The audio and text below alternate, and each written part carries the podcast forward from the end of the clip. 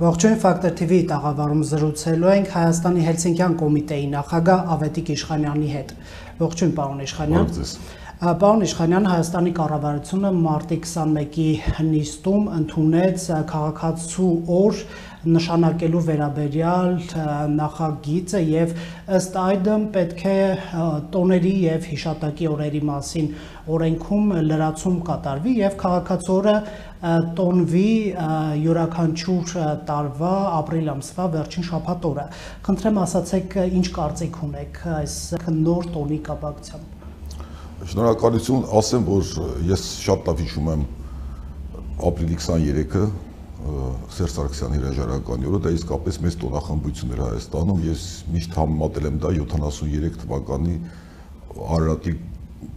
ֆուտբոլային ակումբի գավաթի հաղթանակի հետ ԽՍՀՄ-ի։ Իհարկե դա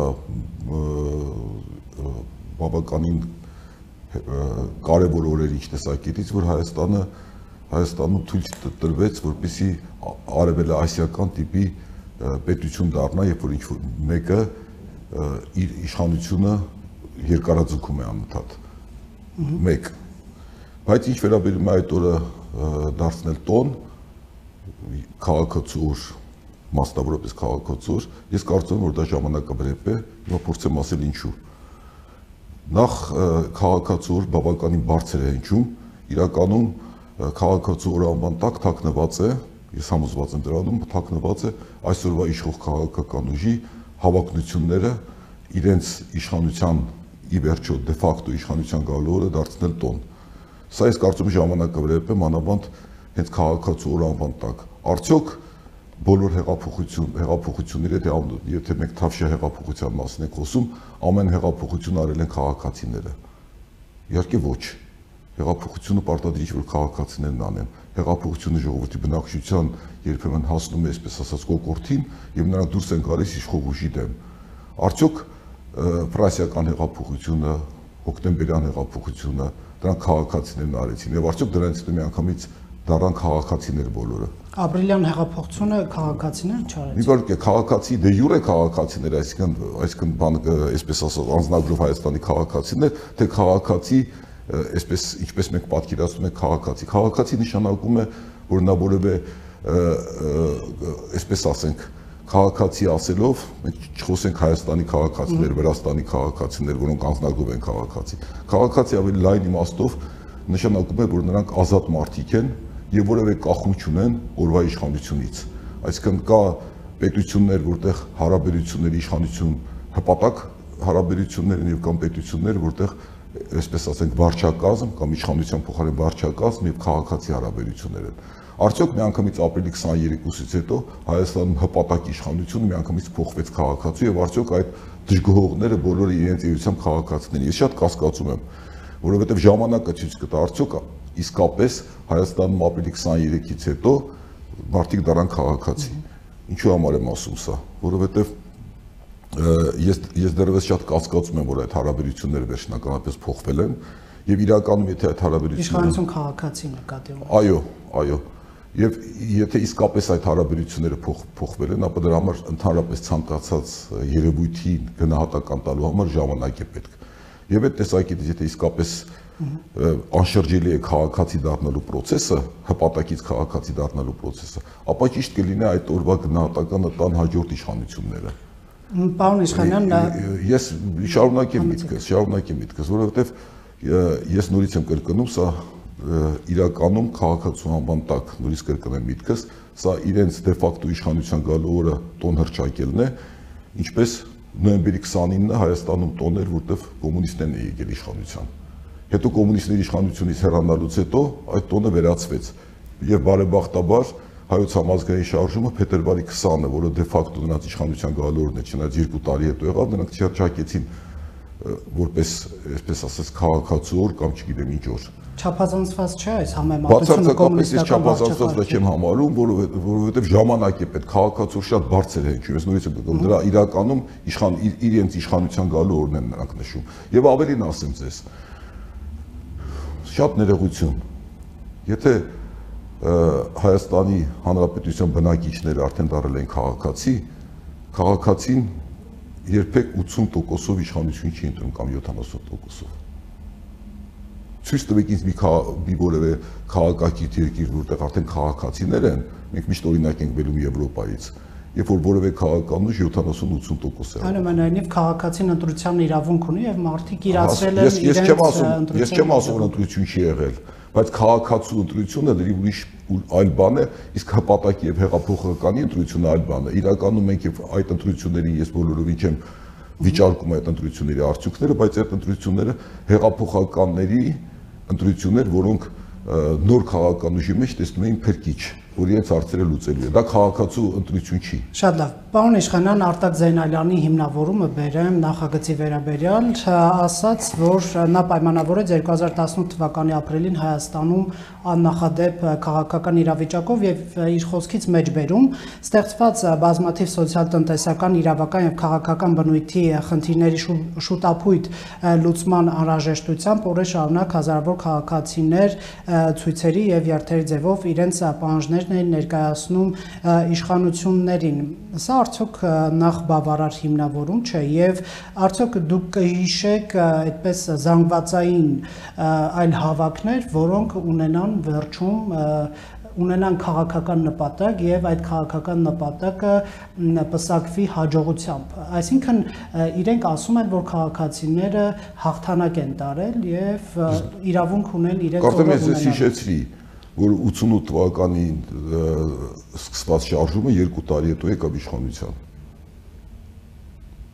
Կարծեմ հիշեցրի եւ նույն պահանջներն էին դրված եւ նույն ողջավորություններ, բայց արդյոք դրանք քաղաքացիներ դարան։ Եթե քաղաքացի դարան, ապա այդ ժամանակ եւս մեկ անգամ ժամանակավերեպ է այս դարձել քաղաքացու տոնը, այլ պետք է դարձնել փետրվարի 20-ը։ Նորից նույն հարցին ենք անդրադառնում։ Իսկ ինչ վերաբերում է, ես շատ հարգում եմ Արտակ Զեյնալյանին, դա բնականաբար նա որպես արդարացության նախարար նախարար հանձնարարությունը պետք է հիմնավորեր։ Եվ կրծեն արդյոք այդ շուտապույտ ցանկությունները, որ դրված է եղել հեղափոխականների կողմից արդեն լուծվել են։ Սա էլ հարցերական հարց է Կրթության եւ գիտության նախարար Արայք Հարությունյանը ասել է, որ քաղաքացիորը լինելու է անկախության օրվանից հետո երկրորդ հիշարժան օրը եւ ասել է, որ կոնկրետ օրը չեն ֆիքսում, այսինքն չեն կոնկրետանում, այսպես կենտրոնանում Սերժ Սարգսյանի հրաժարականի օրվա վրա։ Ես նույնպես հարգում եմ Արայիկ Հարությունյանին, բայց նա նույնպես իշխող քաղաքական ուժի ներկայացուցիչ է եւ ամրապնդում են իրենց իշխանության գալու օրը, իսկ մնացածը լիրիկա է, շատ ներողություն։ Իսկ անկախության օրվանից հետո երկրորդ, այսպես նշանակալի օրը։ Գիտեք, սա արդեն սա արդեն ինձ բավականին անհանգստացնող է, որովհետեւ հնչել են արդեն իշխող քաղաքական ուժի կողմից տեսակետներ, որ այդ Թավշյա հեղափոխությունը ավելի կարևոր հաղթանակ էր, քան Ղարաբաղյան հաղթանակը, հիմա էլ այդ դա է հնչում ավելի կարևոր է, քան անկախությունը, սա ինձ համար ճիշտ ասած անհասկանալի է իսկապես ասում անհասկանալի։ Դուք չեք համեմատի։ Եվ ՀՀԿ փոխնախագահ Արմեն Աշոտյանն է բավականին սուր քննադատել իշխանության այս նախաձեռնությունը եւ պարոն Աշոտյանի խոսքից մեկ հատված։ Ոչ մի ողբերգական բան այդ զավեշտալի այդ զավեշտի մեջ չկա։ Պարզապես գործող վարչախմբին իշխանությունից հեռացնելուց հետո եւս մեկ սանիտարահիգենիկ գործ պետք է անել, չեղյալ անելով սույն խեղկատակությունը։ Ինչով եք պայմանավորում այսպիսի գնահատակ ի տարբերություն իմ կարծիքի, պարոն Աշոտյանի կարծիքը զուտ քաղաքական կարծիք է,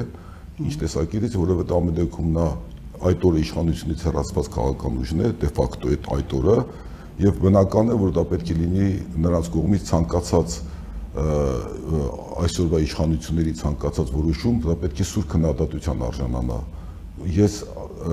պարոն Աշոտյանի խոսքը տեսնում եմ զուտ քաղաքական տեսակետից քննադատությունը, իսկ իմ դիրքորոշումը ներողություն քաղաքացու դիրքորոշումը։ Պարոն Իշխանյան, այնուամենայնիվ քաղաքասարակության որոշ ներկայացուցիչներ ողջունել են իշխանության այս նախաձեռնությունը քաղաքացու օր նշանակելու հետ կապված։ Տեսակետ է, որոնց հետ որի որի հետ համաձայն չեմ, եւ գուցե նաեւ այստեղ կա այն հարցը, որ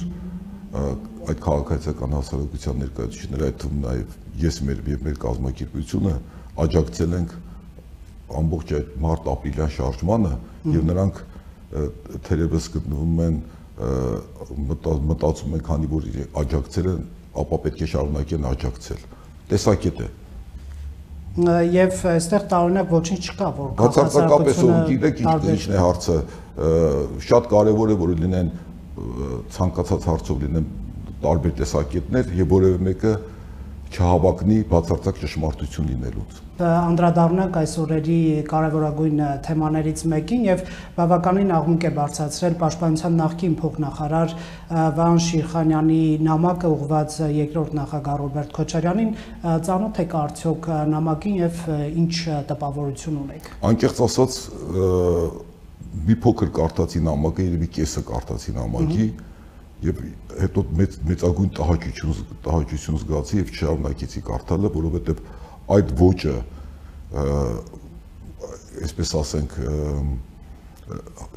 կիսահայոյական մեղմ ասած ոճը ես չեմ կարողանում կարդալ բայց ինչ որ կարդացի անկեղծ ասած շատ տհաճ տպավորություն թողեց վրաս բովանդակության բովանդակային տեսակետից նույնպես փորձեմ ասել հետաքրքիր է որ նախ անկախ այն բանից ես ես որևէ մեկին պաշտպանելու հավակ, հավակնություն այս, այսօր չունեմ, բայց ես չեմ պատկերացնում Վահան Շիրխանյանը այդպես հերոսաբար խոսած լինի այն ժամանակվա այն ժամանակ Ռոբերտ Քոչարյանի հետ։ Եվ այսօր նա լինելով նաև դերևս այսպես ասենք քրեական հետապնդման տակ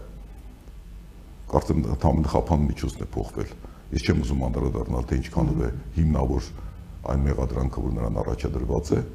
այդ սիմպաթիում ստեղծելու եւ այլնի մեջ, ամեն դեպքում նա այսօրվա քաղաքական տրենդի մեջ, այսպես ասենք, փորձում է հաջողանալ նոր իշխանություններին եւ արդեն մոդայիկ է դարել ուղակի բանի Քոչարյանին հայհոյելը։ Շատ մեծ տհաճություն զգացի եւ ամենակարևոր հարցից գիտեք որն է։ Նույնիսկ կարևոր չի թե ինչ են ասում, կարևորը նաեւ ով է ասում Արդյոք այնպիսի մարդիկ ինչպիսինք են Վահան Շիխանյանը, Գագիկ Ջանգիրյանը, Մուշեղ Սաղաթելյանը եւ այլոք իրավունք ունեն ընդհանրապես խոսելու արդարության մասին եւ ինչ որ մեկին քննադատեն, երբ որ Հայաստանի ամբողջ քաղաքական, ընտրական համակարգի եւ ամբողջ տարբեր տիպի անօրինականությունների, հանցագործությունների հիմնադիրներն են նաեւ նրանք եղել ես զարմանում եմ ուղակի մեր ժողովրդի կարճիշողության վրա, որովհետև նրանք կարող են քննադատել Մեղադրել Քոչարյանին, բայց հերոսացնել այն մարդկանց, որոնք եղել են չգիտեմ, չեմ ուզում խոսքեր ասել, ովքեր ես ուղղակի զարմանում եմ։ Ոչից բացի նաև բովանդակությունն է կասկածի տակ դնում փաստերի իրողությունը։ Ես համոզված եմ, որ այդ բովանդակությունը, եթե չասենք 100%-ով, 99%-ով ուղղակի սուտ է։ Ես հայտարարում եմ դրա մասին մասնավորապես այդ նա նա ուղակի նա ուղակի որ հատվածն է կա առավել այսպես կասկածի տակ դնում պարոն Շիրխանյանի որ ինքը մտել է Քոչարյանի առանձնասենյակը Ղարաբաղում եւ նրան ասել է հայհոյել է եւ ասել է այսպես այսպես հետո որ այսպես բանը այսպես եղավ բանը մեղրին հանձնելու հարցը դա ընդհանրապես գիտեք ինչն է ծաղելի նախ մեղադրում են ասում են նա պատրաստ է մեղրին հանձնելու եւ Վազգեն Սարգսյանն ու Կարեն Դեմիջյանը դեմ էին Նախ մի բան պետք է։ Մեղրի բաղով էլի լսել ենք այդպեսի կարծիքներ, որ Քոչարի շրջանում Գիտեք ինչ է, դա ուղղակի խոսակցություններ են, ես այսպես ասեմ, նախ պետք է հա- հաշվի առնել այն ժամանակը, երբ որ 99 թվականի պարլամենտական ընտրություններից հետո իրական իշխանությունը արդեն Վազգեն Սարգսյանի ձեռքին էր եւ հնարավոր չէր, որ այդպիսի որոշում կայացրած լիներ Քոչարյանը նախ։ Եվ այսպիսի շատ པարզունակ բան օրինակ եմ բերում, որ հենց մեղրու դեմ էին Քոչարյանն ու Դեմիրճյանը դրա համար օկտեմբերի 27-ը եղավ։ Դրանից բարձրամբանական հարց է առաջանում։ Այդ դեպքում եթե բանը այդ հարցը լուծվեց, նրանց վերացրեցին եւ ակնարկում է թե ով վերացրեց, վերացրեցին, ապա ինչ խոչընդոտ կար այլևս մեղրին հանձնելու։ Գիտեք, մարդիկ ուղղակի չեն տրամաբանում, խոսքերի մեջ չեն տրամաբանում եւ ամեն ինչը ըստ իրեն ցանկության ընդունում են հալածյուղի տեղ։ Եվ ընդհանրապես Հայաստանում ցավոք սրտի քաղաքական գործիչները հիմնականում թող ինձ ներեն ովքեր որ այդպեսին չեք, այդպեսի չեն, մեծ մասը նրանք ոչ թե խոսում են ճշմարտությունից եւ գաղափարներից եւ այլն այդ այդ այդ օրվա կոնյունկտուրայից եւ իրենց անձնական շահերից եւ փորձելով հաջողանալով այդ օրվա իշխանություններին փորձում են պաշտոն ստանալ այդ թվում նաեւ Վահան Շիրխանյանն ու Գագիկ Ջանգիրյանը Պարոն Իշխանյան Վազգեն Սարգսյանի անունը դուք շոշափեցիք եւ այստեղ հետեւյալ հարցն է առաջանում։ Եթե նախկին Բարսասճան Պաշտոնյան խոսում է ընտրակեղծիքների մասին, արդյոք դա խոստովանություն չի այն մասին, որ օրինակ Վազգեն Սարգսյանը կամ օրվա իշխանությունները փաստորեն կոծկել են ընտրակեղծիքները իհարկե դա դա նաև դա ոչ մի դա խոստովանություն է մի մի տեսակետից խոստովանություն է եւ մյուս մյուս հարցը կա այստեղ նույն ինքը Վահան Շիրխանյանը արդյոք տեղյակ չէր նույն 95-96 թվականի կեղծիքների մասին արդյոք տեղյակ չէր նույն 98 թվականի կեղծիքների մասին եւ այդ կեղծիքների բոլոր տիպի կեղծիքներով ձևավորված իշխանության ժամանակ միշտ հաջողացել է օրվա իշխանությունների եւ պաշտոն ստացել դա է Վահան Շիրխանյանը ել չասենք եւ ես լավ հիշում եմ 90-ական թվականներին բոլորովին այդ չհերկվեց ես նույնիսկ հեղինակին եմ հիշում Գագիկ Մկրտչյանը գոլոս Արմենիում հրապարակում էր կարծեմ Վեն կոնցերնի ամբողջ թալանը Վահան Շիրխանյանի կողմից կազմակերպված եւ հիմա այդ մարդը դարել է հերոս եւ հետաքրքրականն այն է որ շատ քաղաքասարակության ներկայացիչներ բավականին ազնիվ մարդիկ բան հալած յուղի տեղ ընդունում են այդ բարբաջանքը կներեք արտահայտությանս համար։ Այսպիսի տեսակետ կա, որ հեղափոխությունից հետո քաղաքասարակությունը սկսել է չքննադատել այս իշխանություններին։ Արդյոք ձեր կարծիքով չկան քննադատության թեմաներ, ինչն է պատճառը, ակա արդյոք համամիտ եք այդ բան հետ։ Մասամբ համամիտ եմ եւ այստեղ կա բացատրություն։ Ես ես դրա մասին արդեն ասացի, քանի որ քաղաքասարակությունը պայքարել նախորդ իշխանությունների դեմ եւ աջակցել է հեղափոխությանը, իրենց նաեւ պարտավոր են զգում եւ նոր իշխանության հաջողությունների համար եւ շատ անհանգստանում են նրա ցախողումներ, հնարավոր ցախողումների համար եւ դերևս դերևս իմ կարծիքով իներցիայով շարունակում են շատերը պաշտպանելով իշխանություններին եւ երբեմն նաեւ քննադատում են կարծում եմ ժամանակ ամեն ինչ իր տեղը կբերի։ Իսկ ո՞րն է այսօրվա քաղաքասարակության օրակարգը։ Իշխանությունն արդյոք ձեր քննադատությունները օրինակ ներառում է օրենքներում, ինչպիսին է իշխանության արձագանքը ձեր առաջարկներին։ Առայժմ ես չեմ տեսնում քննադատությունների նկատմամբ բավարար կամք այդ քննադատություններն ընդունելու, մասնավորապես այդ շատ քաղաքասարակության ներկայացուցիչներ, որոնք միջև այժմ նաև դերևս աջակցում են իշխանություններին, բայց նրանք նույնպես առաջարկություններ ներկայացրեցին, բայց իշխանությունների կողմից այն չընդունվեց։ Մասնավորապես բազմիցս ասված է նորից կրկնեմ, վարչապետին կից տարբեր կառույցների անկախության հարցը ոստիկանություն, ազգային անվտանգություն, պետական վերահսկողության ծառայություն, քնչական կոմիտե, հատուկ քնչական ծառայություն եւ բոլորովին այդ հարցերը տեղից չճարժվեցին։ Ավելին ասեմ, առաջարկությունները կառավարության ծրագրում ընդգրկելու տարբեր հարցեր եւ այլն։ Համենայն դեպս եւ ավելին ասեմ, որ ինչպես բոլոր իշխանությունները նոր իշխանություններն էլ կարծես չեն կարողանում առողջ ընդունել քննադատությունը, դա երևում է նաև տարբեր տիպի այսպես ասած մեր ցեղափոխական շրջանակների սոցիալական ցանցերի հարցակումներով քննադատությանը տեսնենք ինչ կլինի Շնորհակալություն պարոն Իշխանյան Մենք զրուցում ենք Հայաստանի Հելսինկյան կոմիտեի նախագահ Ավետիք Իշխանյանի հետ